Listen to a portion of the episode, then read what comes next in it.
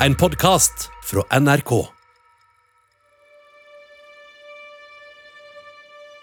Jeg sto lenge og sov. jeg tenkte det var noen som lå og sov der. Men eh, det viste seg jo at det var noe helt annet.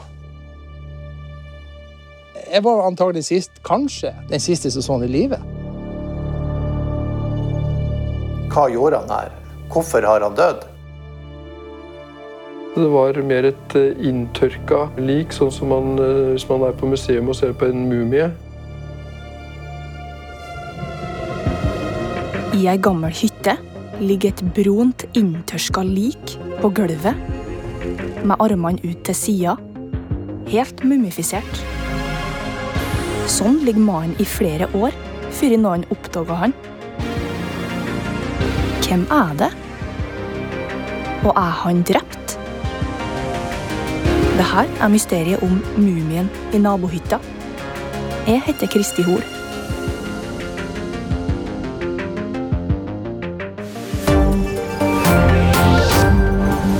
Politiet har gjort funn av en død mann i ei eldre hytte på Klungset i eh, Fauske. 26. april 2020.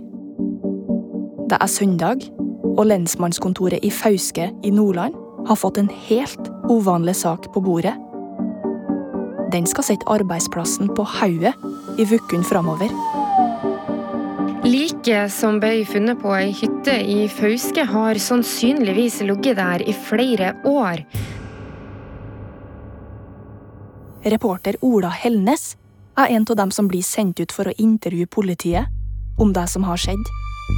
Jeg har dekt mange saker, men det er jo ingen som ligner på den her. Det er jo sjelden man sitter igjen med så mange spørsmål. Altså, Vi vet jo så lite om denne mannen, og jo mer vi graver, jo større blir bare mysteriet. Så jeg føler meg ikke ferdig med denne saken.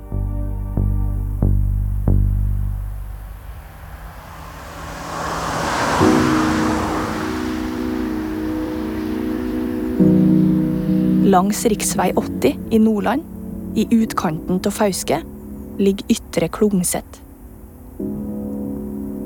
Det er et rolig hytteområde ved fjorden. Med bjørkeskog mellom bygga.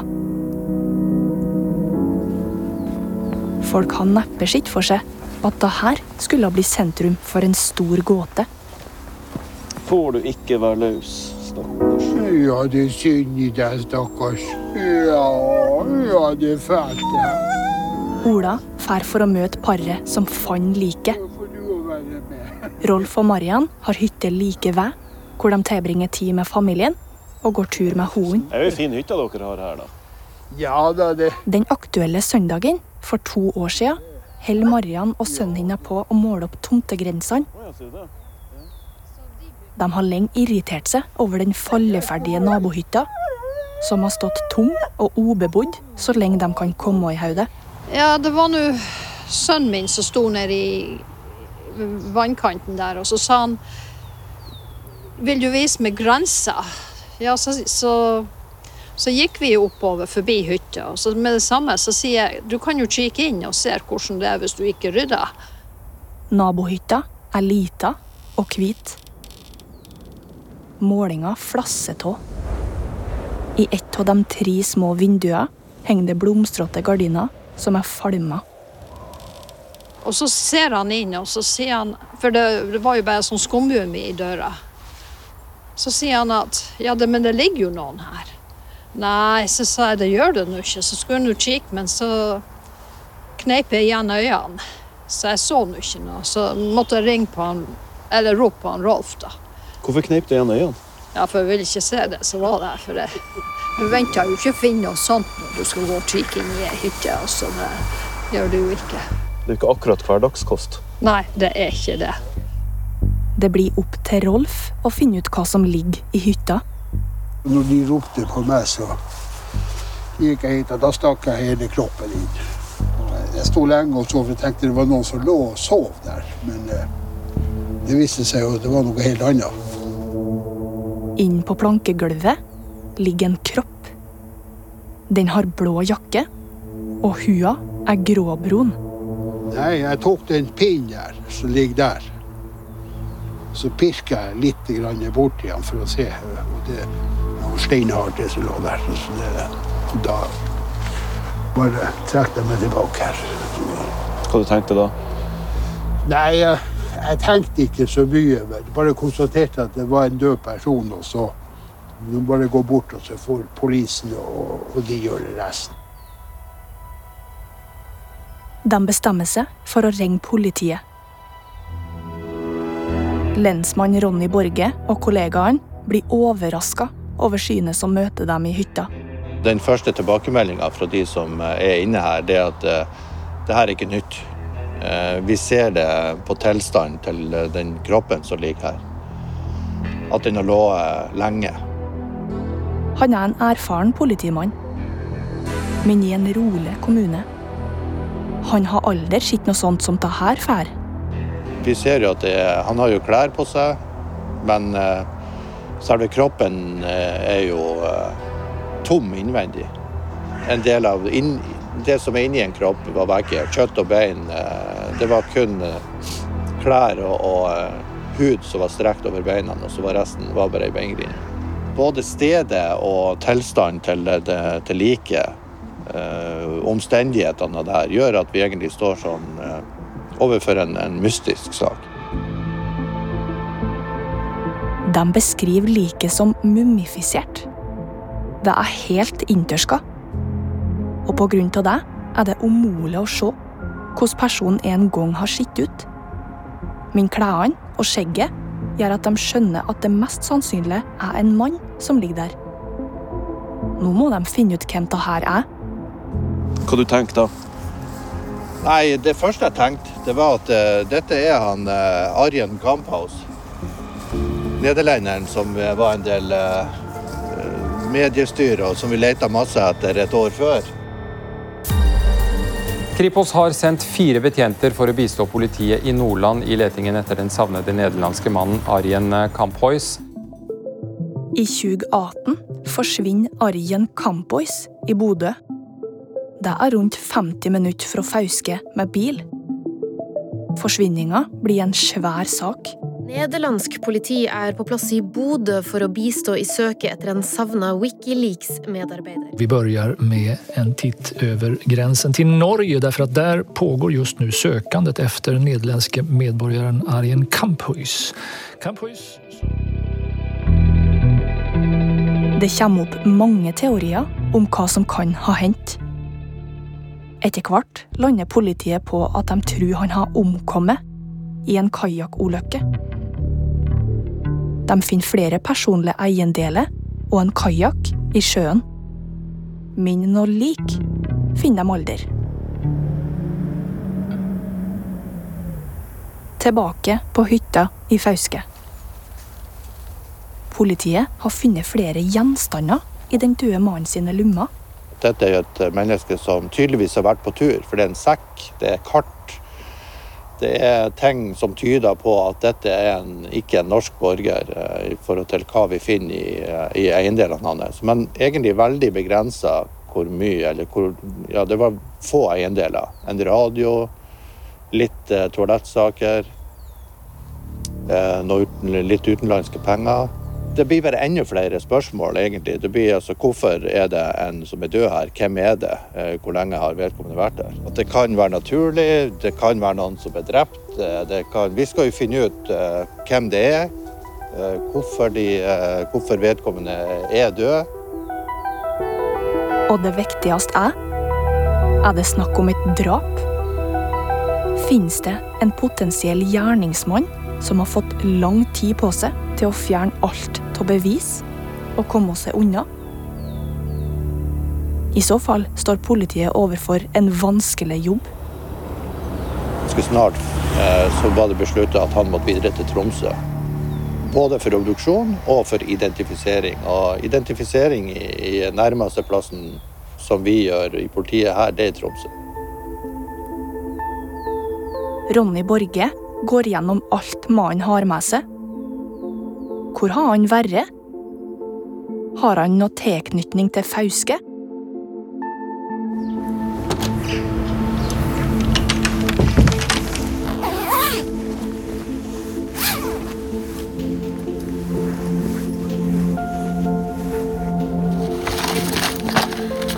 Vanlige personlige ting, toalettsaker, litt sånn her. Kam og Han står framfor et stort, hvitt bord fylt av gjennomsiktige bevisposser. Der ligger det en paraply, ordentlige tursko, penger, men ingen telefon. Og det her er jo, det her er jo norske brusflasker. Eh, Det står jo på norsk, og ser jo at de er jo bleika av eh, tidenes tida som har gått. Og så står det her 10.9.2014. Denne sida her, den er for så vidt et kart. Men det er revet ut av en oversikt over festivalarrangører. 2015 Parkenfestivalen. Eh, helga etter er Rognandagene. Så er det noe i Tromsø, Vesterålen. Så det er jo, eh, det er jo festivaler i Nord-Norge, dette. Datoen på brusen og festivalprogrammer er de første sporene som sier noe om hvor lenge han kan ha ligget der. Det kan dreie seg om mest av fem år. Og så er det jo et kart eh, spesielt eh, konkret over Narvik sentrum. Hvor at det er avmerka noe Quality Hotel- i Narvik. Eh, Og 11 er jo eh, turistinformasjon. Det her kan tyde på at mannen har hatt mange planer i Nord-Norge. De finner faktisk legitimasjonskorta til en mann. Der står det ikke Arjen Kampois, men et annet navn og et annet ansikt. Politiet søker opp navnet. Han er ikke meldt savna her i landet. De fyller inn alle opplysningene de har om han, og sender det til Interpol for å høre om de vet noe. Jeg håper ikke får telefonen fra Tromsø eh, når de har eh, obdusert han, at eh, du står overfor et drap. Da har vi, da har vi, fem, års, da har vi fem år på etterskudd for å starte etterforskning.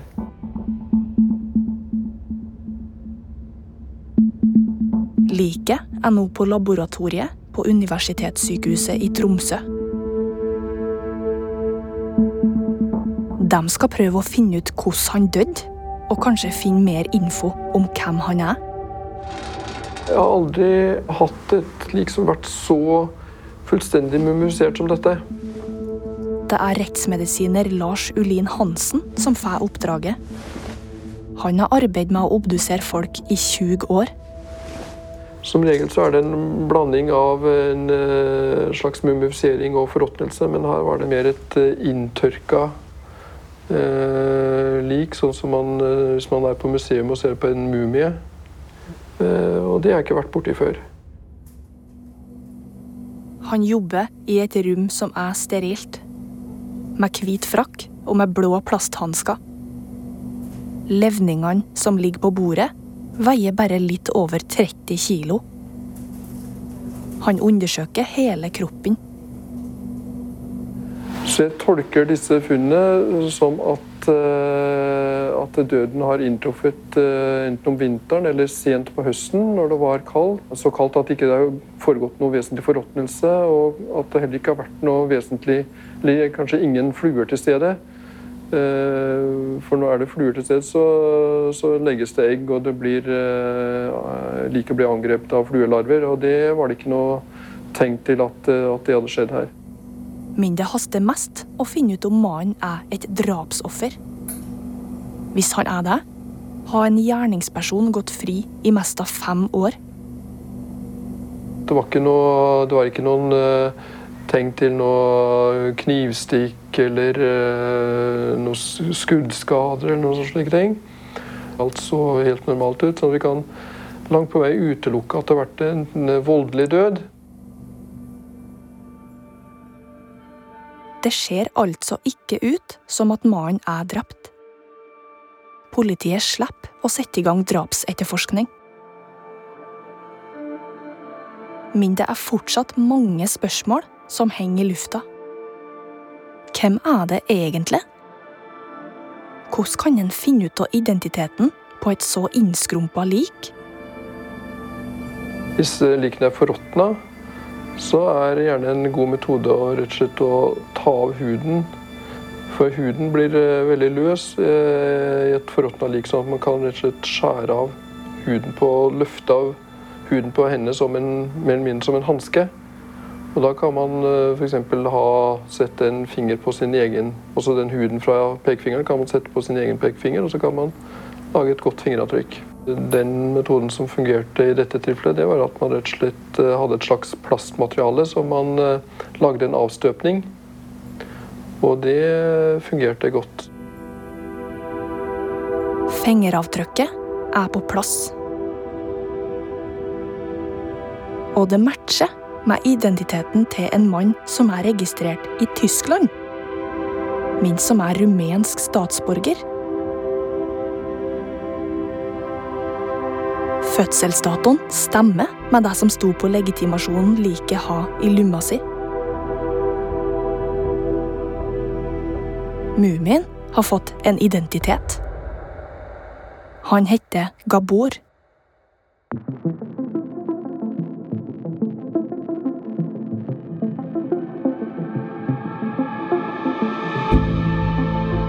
Politiet går ut i media og etterlyser vitner. Kanskje noen har sett han i perioden før han døde? Det er en som melder seg. Og så tenkte jeg, da fikk jeg med en kompis, eller vi kjøre moped bortover.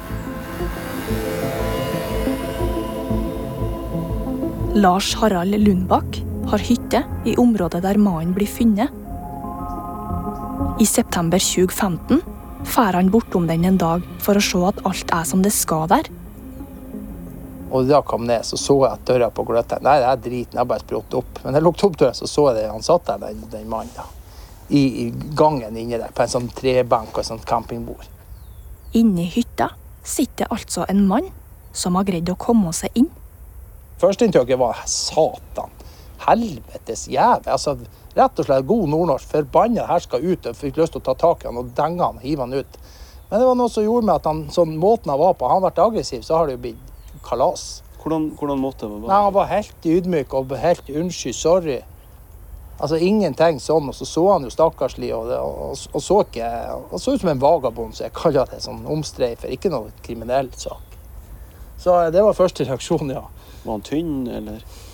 Ja, så så sjaskig ut. Men han klarte skjeggete og uflidd og kanskje lukta litt av han. Klærne var litt sånn slitt, loslitt. Du fikk litt vondt for han karen der? Jeg fikk, ja. Altså, jeg, jeg følte ikke at han hadde gjort noe galt. Han var ydmyk hele linja. Ingen, ikke noe nekting for noe, ikke noe. Var sikkert en snill mann. Jeg vet ikke. Man kjenner jo ikke. Han var jo ikke noe tegn til å være verken voldelig eller sint. Eller. I mine så virka det at han skulle bare vekk fra alt. Han vil ikke være i sivilisasjon, han vil være alene. Sånn virka han faktisk. Men han var på en måte som helt sånn oh, Sorry, tenkte ja, hvem har ikke gjort noe kukstykker i, i sin tid?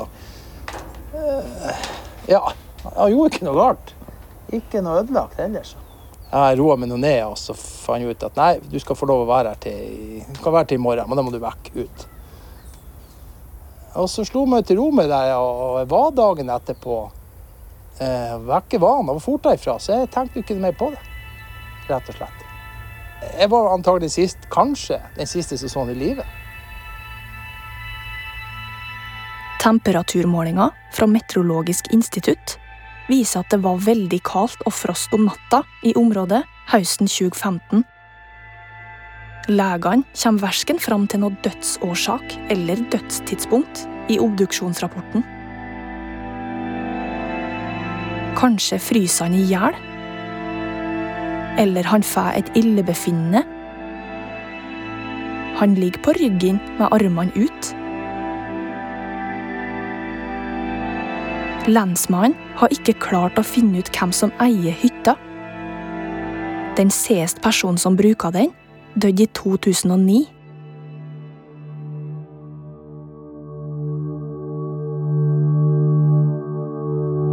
Politiet får tak i pårørende til mannen. En mann og ei dame. De sier de ikke har sett bror sin på fem år. Hva sa søsknene når dere ringte dem?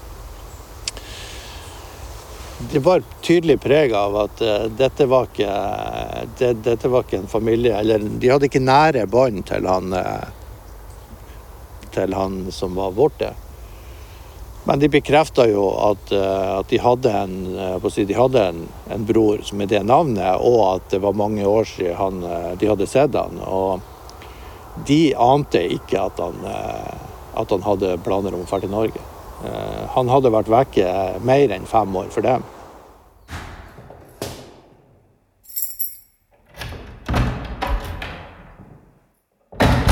Av eh, ukjente grunner som politiet ikke kan eh, svare på, så har familien i Romania sagt at de ønsker ikke den omkomne hjem til, til seg. Og Da er det gravferdsloven som slår inn. og uh, Enten at det er hjemløse, eller i det, sånn som i dette tilfellet at det er en ukjent, så er det den kommunen der den omkomne dør, som får ansvaret for, for begravelse og ta hånd om det. Så vi gjør det vi skal, og så gir vi beskjed til, til etterlatte om hvor vedkommende blir begravd. Er det folk med begrensa midler, om man kan si det på den måten? Det, det har jeg ikke kjennskap til. Men eh, det, du er jo for så vidt inne på, på, noe som kanskje er viktig for folk. Fordi i det øyeblikket at uh, pårørende sier at vi skal ha denne båra hjem, så blir det deres kostnad. Politiet begynner å forberede seg på at de kanskje aldri får svar på hva som har skjedd. Hvorfor Gabor er i hytta høsten fem år tidligere, og hvorfor han dør der. Men så dukker det opp enda et vitne som kan fortelle nye ting. Han møter på mannen i hytteområdet i slutten av september 2015. Gabor forteller at han egentlig skal ta fly tilbake til Tyskland, men at han ble kasta av bussen på vei til Bodø fordi han ikke fikk betalt med euro. Etter det vet oss ikke mer, annet enn at han blir funnet mumifisert i hytta på våren nesten fem år etterpå. Lensmannen tror at Gabor søkte ly i hytta fordi det var høst og begynte å bli kaldt. It's going to be only America. Dødstallene stiger etter at Paris har vært utsatt for minst fire store terroraksjoner i kveld. How dare you? Fire år og åtte måneder er lang tid. Zika-viruset er i ferd med å spre seg til hele det amerikanske kontinentet. Weinstein er mannen som fikk kvinner til å starte metoo-kampanjen. Joshua French kom til Norge i formiddag. Den dødsdømte nordmannen Verden går gjennom enorme forandringer. Og hele tida ligger en død mann på et hyttegulv i Fauske. Til han blir oppdaga ved en tilfeldighet i april 2020. Terrorgruppa IS har likvidert 60 mennesker i Mosul-området i Irak denne veka. Notre-Dame i Paris står i brann. Nå skal han endelig ned i jorda, men i et land langt bort fra hans eget.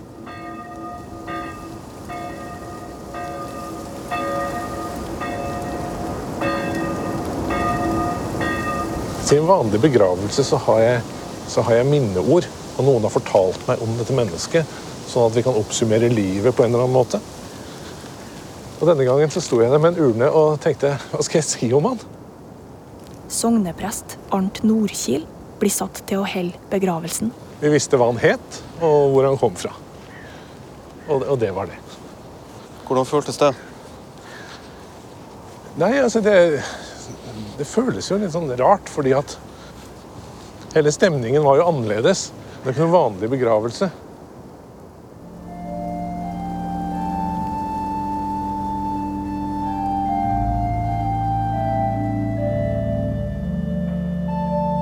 Det er en liten forsamling som har møtt opp. Noen journalister fra lokalavisene, politiet og noen få nysgjerrige. Rolf og Marian har òg tatt turen. Og det var jo en fin seremoni vi hadde der med de få som var der. Ja, vi syns nå det at vi burde nå kanskje møte opp. Så vi kjøpte ei lita blomst og satte der. Lensmann Ronny Borge er òg der. Jeg hadde ikke noe personlig forhold til han her, til han fra Romania, men saken og omstendighetene hadde jobba så mye med det at jeg fant at det, det var egentlig greit for min del å avslutte et kapittel. Og så var det en, også en liksom verdighet eh, overfor, eh, overfor han. Ingen som er til stede, vet noe særlig om mannen eller livet som han har levd. Jeg tenker at den, han mannen som var her, eh, det var en ensom, det var en ensom sjel. Han hadde ikke kontakt med sin nærmeste familie. Og det at han da var foren på, på, tur til Norge og fikk eh, sitt endelikt her, eh, det er litt sånn trist. Eh, ensomt. Det er det jeg sitter igjen med. Jeg har tenkt litt på altså, Hvordan hadde han det da de siste timene, dagene av livet sitt? Han, da, da sitter jeg og håper at han døde av et hjerteinfarkt eller hjerneslag eller et eller annet som går fort. At han ikke lå der og hadde det fælt og var redd. Han setter urna ned i jorda. Skulle det nå komme noen der slekt og dukke opp her på Fauske, så kan de jo gå oppe på, på grava, eller der som urna er satt ned, og så, og så se. Mannen har fått en hvileplass. Sognepressen står igjen med mange spørsmål. Har du noen gang holdt en andakt for noen som du kjente så dårlig? Nei. Det har alltid vært noe å si. Uh, av og til så er det ikke så masse pent å si, men da, da oppsummerer vi i hvert fall faktaene.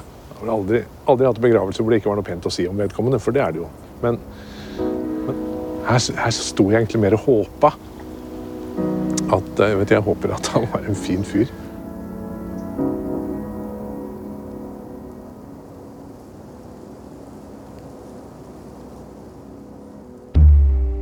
Klærne var litt sånn slitt, loslitt. Han så sjaskig ut, men han var skjeggete og uflidd og kanskje lukta litt av han. Dette er et menneske som tydeligvis har vært på tur, for det er en sekk, det er et kart. Ja, han så ut som en vagabond, så jeg kaller det sånn omstreifer. Hvem var Gabor? Og hvorfor kom han hit? Det blir bare enda flere spørsmål, egentlig. Han tok seg inn i ei gammel hytte. Enda han har jo penger. Han var helt for seg sjøl og tok ikke kontakt med noen. Ingen etterlyste han på mest av fem år. Ikke engang familien. Du fikk litt vondt for han karen? Rømte han fra noe? I mine så virka det at han skulle bare vekk fra alt. Han ville ikke være i sivilisasjonen, han ville være alene. Sånn virka han. Alt det her forblir en hemmelighet. Og den er nå begravet under frodig grønt gras på Erikstad gravlund i Fauske.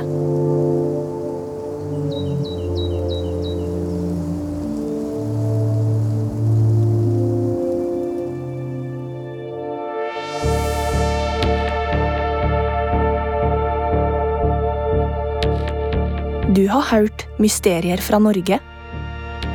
Denne episoden er laget av meg, Kristi Hol, Ola Helnes, Susanne Sjåstad Lysvold, Mari Walter Svenning, Einar Wist Øyen og Ingebjørg Hagerup. Redaktør er Line Gevelt Andersen. Vet du om et mysterium? Oss vil gi en og tips. Send det til mysterier, krøllalfa, nrk.no. I neste episode Historia om Jedinorog, enhjørningen, er jo som skapt for en film. Du har det perfekte plottet. sant? Løgn, drap, plyndring. 120 russere mister livet i et blodig skipsforlis utenfor Trøndelagskysten. Eller blir de brutalt drept av lokalbefolkninga, som så plyndrer vraket? De slo i hjel dem som kom på land, etter hvert som de kom på land. Jeg tror ikke at hitteværingene har slått i hjel noen som helst. En podkast fra NRK. Det ligger en livløs jente på gulvet her. Hør nye episoder med mørke fortellinger. Du redda meg. Så, tusen takk. Det er jeg som er han helten. Hva sa du nå? Hva skjer Når ytre press tvinger frem våre indre demoner. Trenger å være redd for meg. Jeg er ikke redd for deg! Du er en taper, og alle andre syns det! Mørke fortellinger hører du først i appen NRK Radio.